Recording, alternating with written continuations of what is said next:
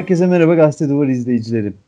Bugün e, yepyeni bir program dizisiyle karşınızdayız. 200 yılının ardından Engels'i konuşacağız. Tıpkı daha önce 200 yılın ardından Marx'ı konuştuğumuz gibi. E, bugün yine e, bir konumuz var ve bu konumuz aslında zaten 200. yılında Marx'tan da e, bildiğimiz Marmara Üniversitesi İletişim Fakültesi öğretim üyesi Sayın Göksel Aymaz. Hocam hoş geldiniz programımıza. Hoş buldum Kavel sağ ol. Ee, dediğimiz gibi bugün e, Engels'i e, konuşacağız. Tabii e, daha çok aslında kendisinin e, yaşamıyla e, bir giriş yapmak istedik. Sizinle e, yaşamını e, konu almak istedik ve böylece aslında düşüncesini anlamaya da başlayabiliriz e, diye e, düşündük. E, ilk olarak e, gençlik yıllarından ve aslında Engels'in e, dünyaya geldiği ortamdan bahsedebiliriz belki de. Aslında biz hani e, çoğu kişiyi e, biraz aziz gibi e, yorumluyoruz ve belki de aslında kendi hayatlarına dair de böyle bir e, çıkarımda bulunabiliyoruz ve e, onları görmek istediğimiz gibi bir e, kalıba sokuyoruz belki de e, gençlik yıllarını e, betimlerken anlatırken. E, şimdi Engels'in de e, gençlik yıllarını düşündüğümüz zaman ya da çocukluk yıllarını düşündüğümüz zaman e, hep e, bildiğimiz bir e, nokta var. O da hali vakti yerinde bir ailede aslında dünyaya e, gelmiş olması kendisinin. E, işte ailesinin dokuma imalatçısı e, bir aile e, olması. E, şimdi e, böyle düşündüğümüz zaman e, Engels'in bu e, kendi dünyasını devrimci bir e, yoldan değiştirmeyi e, hede, e, neden sizce e, gerekli görmüş olabilir ve aslında onu e, buraya sürükleyen nedenler nelerdi hem gençliğindeki e, gelişmeleri düşündüğümüz zamanda ve e, ailesinin bu hayatından, bu sunulan hayattan sizce Engels e, nasıl uzaklaştı? Böyle bir e, başlangıç yapalım dilerseniz. Tabii yapalım. Ee, şimdi Kavel yani e, bütün insan hayatı bu e, Marx gibi, Engels gibi e, tanınan simalar olsun veya sıradan insanlar olsun fark etmez. E, herkes kendi dönemin ürünüdür. Yani e, toplumsal ilişkiler toplamıdır diyoruz ya insan için. Dolayısıyla e, herkes kendi dönemin ürünü. Engels de şüphesiz öyle. E, bu altını çizdiğin hususta hem e, içine doğduğu ailenin önemi var, etkili oluyor. Hem de yaşadığı dönem, yaşadığı şehir, her şeyin bir etkisi var. Ve toplam e, sonucu olarak da Friedrich Engels diye e, bir karakter karşımıza çıkıyor. E, evet, zengin bir aile içine doğuyor, dokumacı. Yani çok tipik bir 19. yüzyıl burjuva ailesi içine doğuyor. Yani e, işte o buhar makinesiyle, e, o fetiş teknolojiyle tanımlanan endüstriyel devrimin e, ata e, kaldırdığı bir e, dokuma e, şeyi, e, endüstrisi içerisinde faaliyet yürüten bir baba fabrikası var. Hem Almanya'da hem de İngiltere'de, Manchester'da. Engels de bu ailenin içinde doğuyor ama e, tabii ailesi yani babası e, koyu bir şey, e, Hristiyan, Protestan aslında, Kalvinist e, evangelist bir e, baba. E, onun yarattığı o evdeki ruhani ortam engelsin e, aslında evden sıkılmasına fazla yol açıyor. Bunu Engels hakkında çalışanlar özellikle e, belirtirler. Engels'in kişisel özel, e, özelliği de, karakter özelliği, mizacı da pek böyle bir hayata uygun değil. Ee, yaşadığı şehir bir endüstri yani doğduğu şehir e, bir e, sanayi şehri e, işçiler, ayak takımları her günkü şehir manzarasında engelsin karşısına çıkan e, tipler. Yani çok e, genel bir klişeyle e, işçi sınıfını İngiltere'de tanıdığı gibi bir yanlış yargı var. Yani İngiltere'de emekçi sınıfın durumu yapıtıyla bağlantılı olarak. Aslında doğumundan itibaren o bir sanayi şehri içerisinde büyüdüğü için işçi e, sınıfını yakından tanıyor ve kendi ailesiyle işçi e, sınıfının yaşam koşulları arasındaki farkı tezat da görebiliyor. E, onunla ilgili mektuplarında falan da bahseder. E, okumaya gittiğinde, e, Berlin'e falan gittiğinde kız kardeşine düşkün bir delikanlı Engels. Kız kardeşiyle mektuplaşmalarında e, hem kendi yaşadığı şehirdeki manzaralardan hem de Berlin'deki manzaralardan bahseder. Bunu detaylı ortaya koyar. Hareketli bir çocuk, e, dışa dönük, yaşama sevinci olan bir çocuk, yakışıklı bir çocuk. Yani e, kadınların falan da ilgisini çekiyor. Dolayısıyla ailenin o evangelist e, şeyi e, ortamı ona çok dar geliyor zaten. Romantik, şiire düşkün, e, edebiyata düşkün, işte çok genç yaşlarda 19-20 yaşına itibaren tiyatro eleştirisi yazıyor, şiirler yazıyor, kitaplar hakkında tanıtımlı yazıları yazıyor gazetelere falan. Yani senin de belirttiğin gibi onun sosyalistliği, e, komünistliği e, 1844'lere beklemiyordu. Çok daha erkenden e, işte Bremen'e okumaya gönderiyor mesela babası onu. E, ticari işler konusunda bilgilensin diye. E, orada e, ütopik sosyalistlerle işte e, tanışma fırsatı buluyor. Ki bu İngiltere'ye geçtiğinde gene babasının işlerini takip için biliyorsun Manchester'a gidiyor, Londra'da filan 20 ay bulunuyor orada. Orada e, pekişecek olan ilk e, şeyler, buluşmalar aslında daha Almanya'da çok da erken dönemde başlıyor. E, Saint Simon'un görüşlerini Almanya'daki temsilcisi diyebileceğimiz Moses Hess ile hani tanışıyor. Hem yazılarını, çevirilerini filan çok meraklı okuyor. Kendisi de tanışıyor da erken dönemde yani 1841 civarı filan yani çok da erken dönemde tanışıyor. Yani böyle bir e, sosyalizme meyilli zaten. Yani o işçi sınıfının yaşadığı sefalet, e, hani bir evangelizm, bir alkolizm diyor. Bu şeyi bitiriyor işçi sınıfını. Çok daha erken yaşlarda bunu 20 yaşında filan söylüyor bunu yazıyor. E, dolayısıyla buradaki Almanya'daki birikim yani Bremen, Berlin, deki manzaralar, onun oradaki deneyimleri, realite terbiyesi diyelim.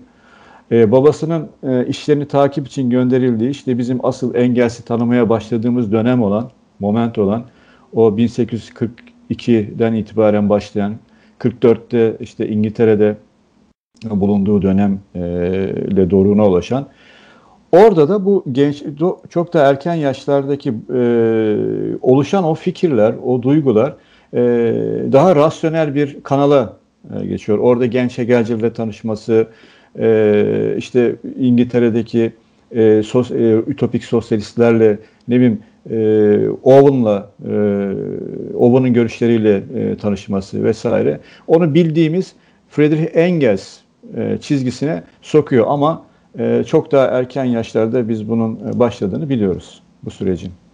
Ee, sizin de aslında az önce bahsettiğiniz gibi e, hani bu Bremen Bremen'e gidişten e, al, ele alacak olursak ya da yine kız kardeşine e, gönderdiği mektuplardan ele ol, e, alacak olursak e, dikkat çekici bir nokta da aslında Engels'in yaşamına dair o da çok yönlülüğü e, evet. olsa gerek. Mesela hani siz de dediğiniz hani kimi e, yazdığı şiirler e, biliyoruz ya da işte mesela Hı-hı. kız kardeşine yazdığı mektuplarda Bremen'den yazdığı mektuplarda mesela karikatürleri e, çizmeye başladığını görüyoruz. Hem kendini evet, evet. E, e, bu karikatürlere konu ediyor. Daha sonrasında zaten hani diğer e, çok ironi, ironi ve mizah yüklü karikatürler yapıyor yani evet, evet. eleştirilerini falan. Hatta orada işte e, takıldığı bir birhanede bir köpeğe e, köpekle oynadıkları oyunu anlatıyor çok e, şey.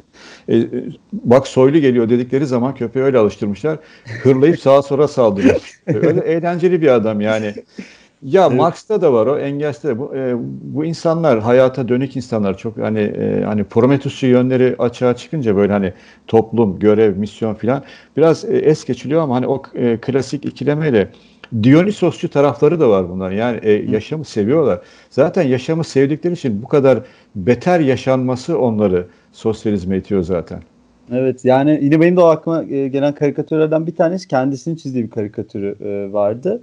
E, pro içerken çiziyor tabii işte e, hmm. yeni yetme zaten o dönemde kız kardeşine derken e, çizerken bunu ve altına da e, çok sinirliyim çünkü işte içime çekemiyorum e, diyor mesela. Böyle hani, e, aslında e, ilginç noktalar da var e, yaptığı işlerde. Evet. Mesela bunun haricinde e, dile olan e, yatkınlığını biliyoruz ki tamam daha sonrasında hani ilgilendiği dilleri e, biliyoruz ama henüz çok erken yaşlarda aslında işte lise yıllarında evet. e, itibaren aslında bu dile e, ilgisi başlıyor. Hatta işte lise mezuniyetinde e, Eteokles ile e, Polinikes'in teke tek dövüşü diye klasik Yunanca aslında ka- kendi kaleme aldığı bir hmm, e, hmm. şiiri okuyor. E, işte bire bendeyken de e, biraz da belki gençliğin coşkusuyla abartarak e, işte 25 dil e, e, hakim olduğunu söylüyor. Tamam belki bir kısmı e, fazla olmuş olabilir o döneme dair ama daha sonrasında e, hakikaten sadece batı dilleri değil aynı zamanda doğu dilleriyle de ilgilendiğini biliyoruz. Bunun dışında yine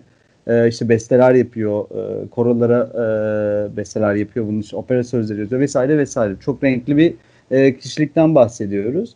E, yani sosyal bilimlerin ilgilendiği alanların ötesinde de evet. e, bir e, kişi Engels.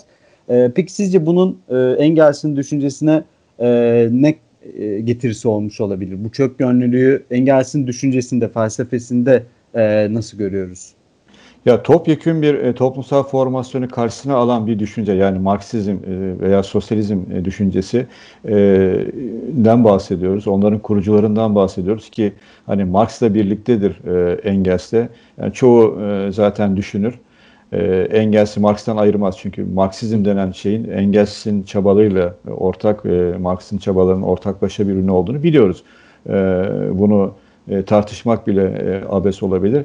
Yani hatta e, benim çok sevdiğim bir Amerika toplum bilimci e, Mills, e, C. Wright Mills e, bir çalışmasında ben Marx derken diyor siz Engels'te anlayın. Yani ayrıca Engels demeye gerek duymuyorum diyor. O kadar e, birbirine yakındır. Şimdi onun ortaya koydukları sistemi düşündüğümüzde yani kapitalizm modernleşmeye e, cepheden e, saldıran bir e, düşünce. Dolayısıyla bu hayatın bütün yönlerini eleştirisini içeren bir sistem edebiyatı da içerecek, bu doğa bilimlerini de içerecek, matematiği de içerecek. Yani iktisadı değil sadece veya sosyolojiyi, politikayı değil, bütün bu yönleriyle. 43 yaşında matematik öğreniyor, diferansiyelleri öğrenmeye çalışıyor Engels. Yani Marx'ın zaten matematik konusundaki ilgisini biliyoruz. E, doğanın diyalektiği, anti-Düring gibi çalışmalarda biliyoruz yani e, biyoloji, e, efendime söyleyeyim botanik, yani doğa bilimleriyle çok yakından ilgili. Çünkü diyalektiğin e, doğrulanacağı bir alan olarak doğaya bakıyorum. Ya bu çok yönlülük e, hem e, düşüncelerinin karakteri açısından da e, çok anlaşılır bir şey. E, bir de e, çok daha önemli bir şey belki bugüne e, mirası içinde önemli olan şey gerçeklik üzerindeki o rasyonel denetimi e, sağlamak. Ve bu konuda gerçekliğin hiçbir alanından bir sızma, bir kaçak e, yok düşüncelerinde. Edebiyatta da var bu rasyonel denetim. Biyolojide de var, işte müzikte de, müziğe ilişkin de var vesaire vesaire. Yani bu çok yönlük. Dolayısıyla onların ortaya çıkarttığı, e, ortaya koydukları o düşünce bütünlüğü içerisinde zaten şaşırılmaması gereken e, e, bir yön olarak e, ele alınmalı diye düşünüyorum. Ee, aslında yine şimdiki sorunun başında biraz değindiniz ama belki e, Karl Marx'la e, yaşadıkları Hı e, deneyimlere e, biraz daha değinebiliriz. E, hakikaten işte tarihte işin az rastlanır bir e, dostluk hikayesinden evet, e, bahsediyoruz evet. aynı zamanda. Hani e, yarattıkları eserlerin e, dışında hani yaşam olarak da bu böyle bir e, hikayeyi görüyoruz e, kilide. E, tabii çoğu zaman işte e, Engels'ten dedi, ikinci keman olarak da bahsediyoruz ama aslında e, sizin de dediğiniz gibi e, ayrı ele alamayacağımız e, isimler bunlar. E, ve baktığımız zaman e, yani Marx'ın hayatını kaybetmesinden sonra 12 yıl daha yaşamış bir e, isim ve yani bu süreç içinde e, Kil'in verdiği emekleri üzerine çalışmış, üretmiş ve e, durmadan hala e, bu konuda ter dökmeye devam etmiş e, biri aslında Engels. E, bu açıdan e, Marx'ın e, Engels'in Marx'la dostluğunu sizce nasıl ele alabiliriz? Valla e, dediğin gibi eşine çok az rastlanır bir e, dostluk var. Yani entelektüel tarihte böyle e, birbirini besleyen, birbirinin düşüncesini e, geliştiren e, dostluklar var.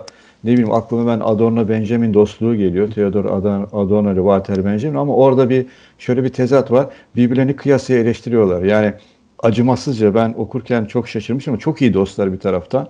Yani Adorno Benjamin'in metinleri gözyaşlarıyla okuyor ama eleştirirken e, hiç o gözyaşları yok ortada. Çok e, sert biçimde eleştiriyor ama hani Hani dost acı söyler evet, e, evet. kabilinde ve birbirlerini geliştiriyorlar. Şimdi Marx ile Engels'in şey dostlukları e,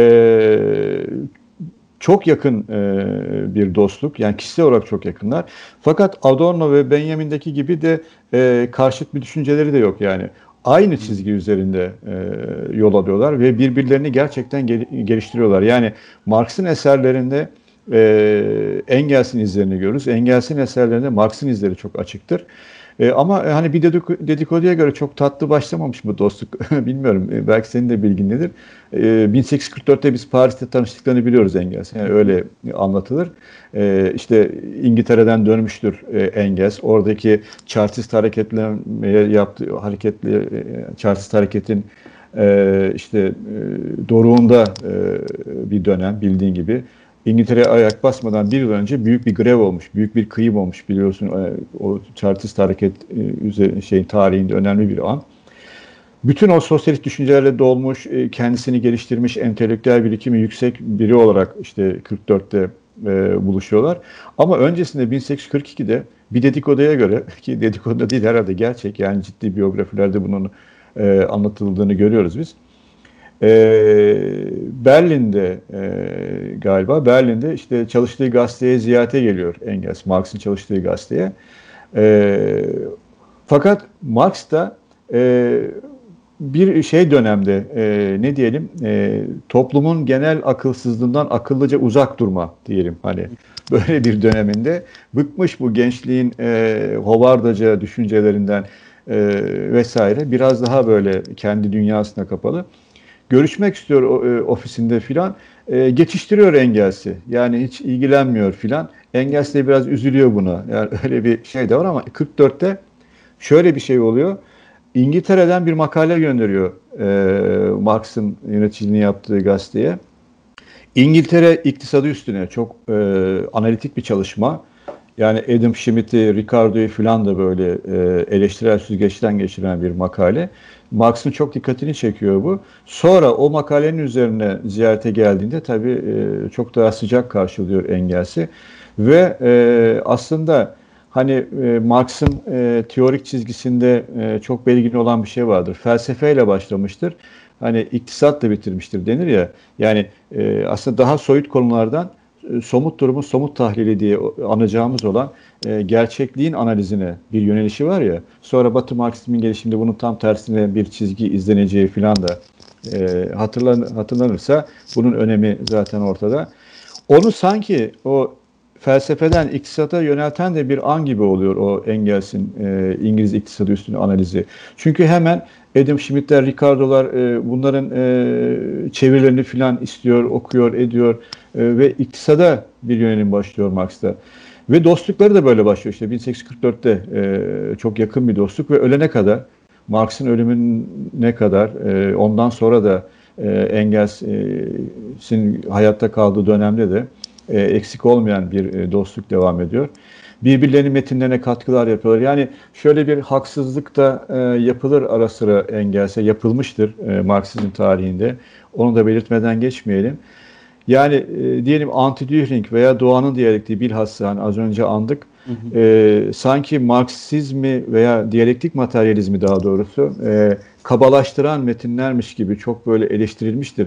Hani anlaşılır sebepleri var. Özellikle Batı Marksizm'de hani e, pozitivist sızmaları engellemek için e, düşünceye diyerek, diyerek diye çok böyle sert biçimde eleştirilmiştir Engels'in metinleri ama hani Engels'in o çalışmada Marx'ın e, bilgisinin olduğunu, anti-Düring'in tamamen okuduğunu biz biliyoruz.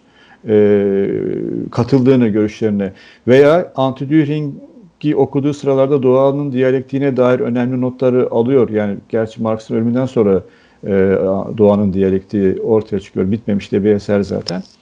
Ama oradaki tartışmaları da Marx'ın bildiğini biz biliyoruz. Yani karşılıklı görüş alışverişi içerisinde olduklarını.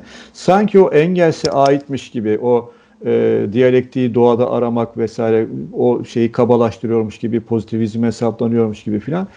E, bu ayrı bir tartışma konusu. Burada bunu tartışmak niyetim yok ama hı hı. hani Marx ile Engels ilişkisi açısından söylüyorum. Engels Marx'ta dahildir.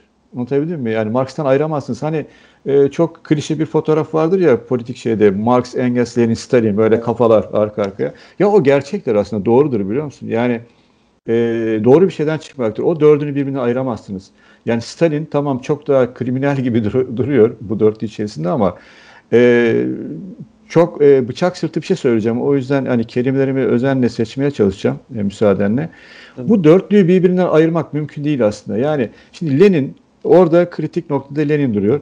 Hani Lenin işi pratiğe dökmüştür. Yani Lenin'i çıkartırsanız Marksizmden sadece hani Marx'ın çok şikayet ettiği dünyayı değiştirmek değil yorumlamaktan ibaret kalan bir Marksizm olur. E şimdi dolayısıyla Stalin'i de Lenin'den çıkartırsanız e, ya Stalin ölümüne kadar Lenin'i öğretmeni olarak bilmiş biridir. Çok zor dönemin bir şeydi. Yani eleştirilerimiz saklı kalmakla birlikte e, o çizgi için söylüyorum. Stalin Lenin'e dahildir. Aynı şekilde Engels de Marx'a dahildir. Yani o e, dalgası çok geçilen, esprisi çok yapılan o dört kafa aslında e, gerçekten bir e, şeydir, doğru ifade eder. E, Engels'i Marx'tan ayırmak mümkün değil. Marx'ı da Engels'i düşünmek asla mümkün değil. Anlıyorum. Hocam peki son olarak e, aslında bizim bu e, bütün konuklarımıza sormayı planladığımız bir soru. E, sizinle de paylaşmak isteriz. Şimdi bugün tabii biz 200. 200 yılın ardından aslında engelsi anıyoruz diyoruz ya da aslında pek çok insanı 200. 150. 100. yılında ya da pek çok olayı anıyoruz ama tabii bunu yaparken bugünden doğru hani bugünün bir insanları olarak bu aslında insanları olarak aslında okumaya çalışıyoruz bu isimleri de. Peki e, böyle düşünecek olursak Engels'i bugünden bakarak e, nasıl okumamız gerekir? Nasıl Engels'in e, bize aslında bugünden bugüne dair söyleyebilecekleri e, neler olabilir? Bu konuda e, neler söyleyebilirsiniz acaba? Valla az önce söylediğimiz o e, aslında anti-Düring ve doğanın diyalektiği veya işte ailenin, özel mülkiyetin, devletin kökeni çalışmaları e, bilhassa e, onun altını çizmek isterim. Neden? Şimdi bakın içinde bulunduğumuz dönem bir e, salgın dönemindeyiz. E, bu şey çıktığı dönemden itibaren salgın patladı yani geçen Mart ayından itibaren yoğun biçimde dünyada tartışılan şey ne? E, dünya insana ev sahibi olmaya devam edecek mi? Bizim yurdumuz olacak mı? Bunu sor, e, konuşurken birkaç on yıldır e, gelişmekte olan bir ekolojik değil mi e, tedirginlik e, hasıl oldu ve dünyayı topyekun düşünme, değiştirme. Acaba bu pandemi ütopik bir sonuca mı doğru götürecek insanı yoksa distopik bir e, sonuca mı doğru giderken bu tartışma yapılırken e, birdenbire ekolojinin daha önemli bir bilim haline geldiğini fark ettik. Ve ekoloji dediğimiz şey de aslında baktığınız zaman e, doğa bilimleriyle insan bilimlerini bütünleştiren e, bir bakış açısı ortaya koyuyor. Yani e, iktisadı, sosyolojiyi, politikayı düşünmeden çevreyi düşünemez olduk. Şimdi aslında bu Engels'in tam da antidiyalekte ve doğanın diyalektiğinde yaptığı şey aslında biliyor musun? Yani hani Marx'ın çok erken yaşlarda dediği tek bir bilim ideali var ya ortaya koyuyor. Ee, sanki bilimler oraya doğru gidiyor. Yani doğa bilimi ve sosyal bilimler arasında bir ayrımın e, ortadan kalkması için zorlayıcı bir gerçeklik var. Yani e, nesnenin aciliyeti, doğanın aciliyeti teoriyi buraya doğru itiyor. Ve aslında Engels'in belki de e, bugün e, yapacağımız okumalarda e, öne çıkan en büyük e, etkisi veya dikkate alınması gereken tarafı bu gibi geliyor bana. Doğa bilimleriyle sosyal bilimlerin bütüncül bir bakış içerisinde belki tek bir bilim haline gelmesi. Bu perspektifi ortaya koyuyor Engels'in çabaları. Ben bunu çok önemsiyorum. Tek tek eserlerinde, çalışmalarında bugüne kalan şeyler de var mutlaka. Diyelim ailenin, özel mülkiyetin, devletin kökeninde gerçekten devletin ve özel mülkiyetin biçimlenişiyle aile ilişkileri, akrabalık ilişkilerindeki dönüşümün arasındaki ilişki bugün halen geçerlidir. Yani insanlık tarihin gelişimindeki o aşamaları düşündüğümüzde halen geçerlidir. Tek tek eserlerinde bunlar yani tespit edilsiz ama daha genel bir bakış açısından baktığımızda ben e, nesnenin önceliğinin işte bu çevresel e, kıyamet veya toplumsal e, kıyamet filan senaryolar içerisinde doğa ve sosyal bilimlerin tek bir bilimmiş e, gibi e, bir refleks ortaya koyması e, noktasında hani bunun aciliyeti gerekliliği noktasında Engels'in teorik çabasının ürünlerinin kıymetli olduğunu düşünüyorum ve belki de bugüne en büyük e, şeyi e, katkısı e, odur diye düşünüyorum. Anlıyorum. Hocam e, çok teşekkür ederiz e, programımıza katıldığınız için, sorularımızı yanıtladığınız için. Ben teşekkür e, ederim Kabe, sağ ol. E, evet bugün Engels'i konuştuk, Engels'in yaşamını konuştuk, e, hayatının düşüncesine olan etkilerini e, konuştuk. E, Göksel Aymazlı konuğumuz e, ve bundan sonraki programlarda yine e, Engels'in 200 yıl ardından aslında Engels'i konuşmaya devam edeceğiz. Ee, şimdilik hoşçakalın.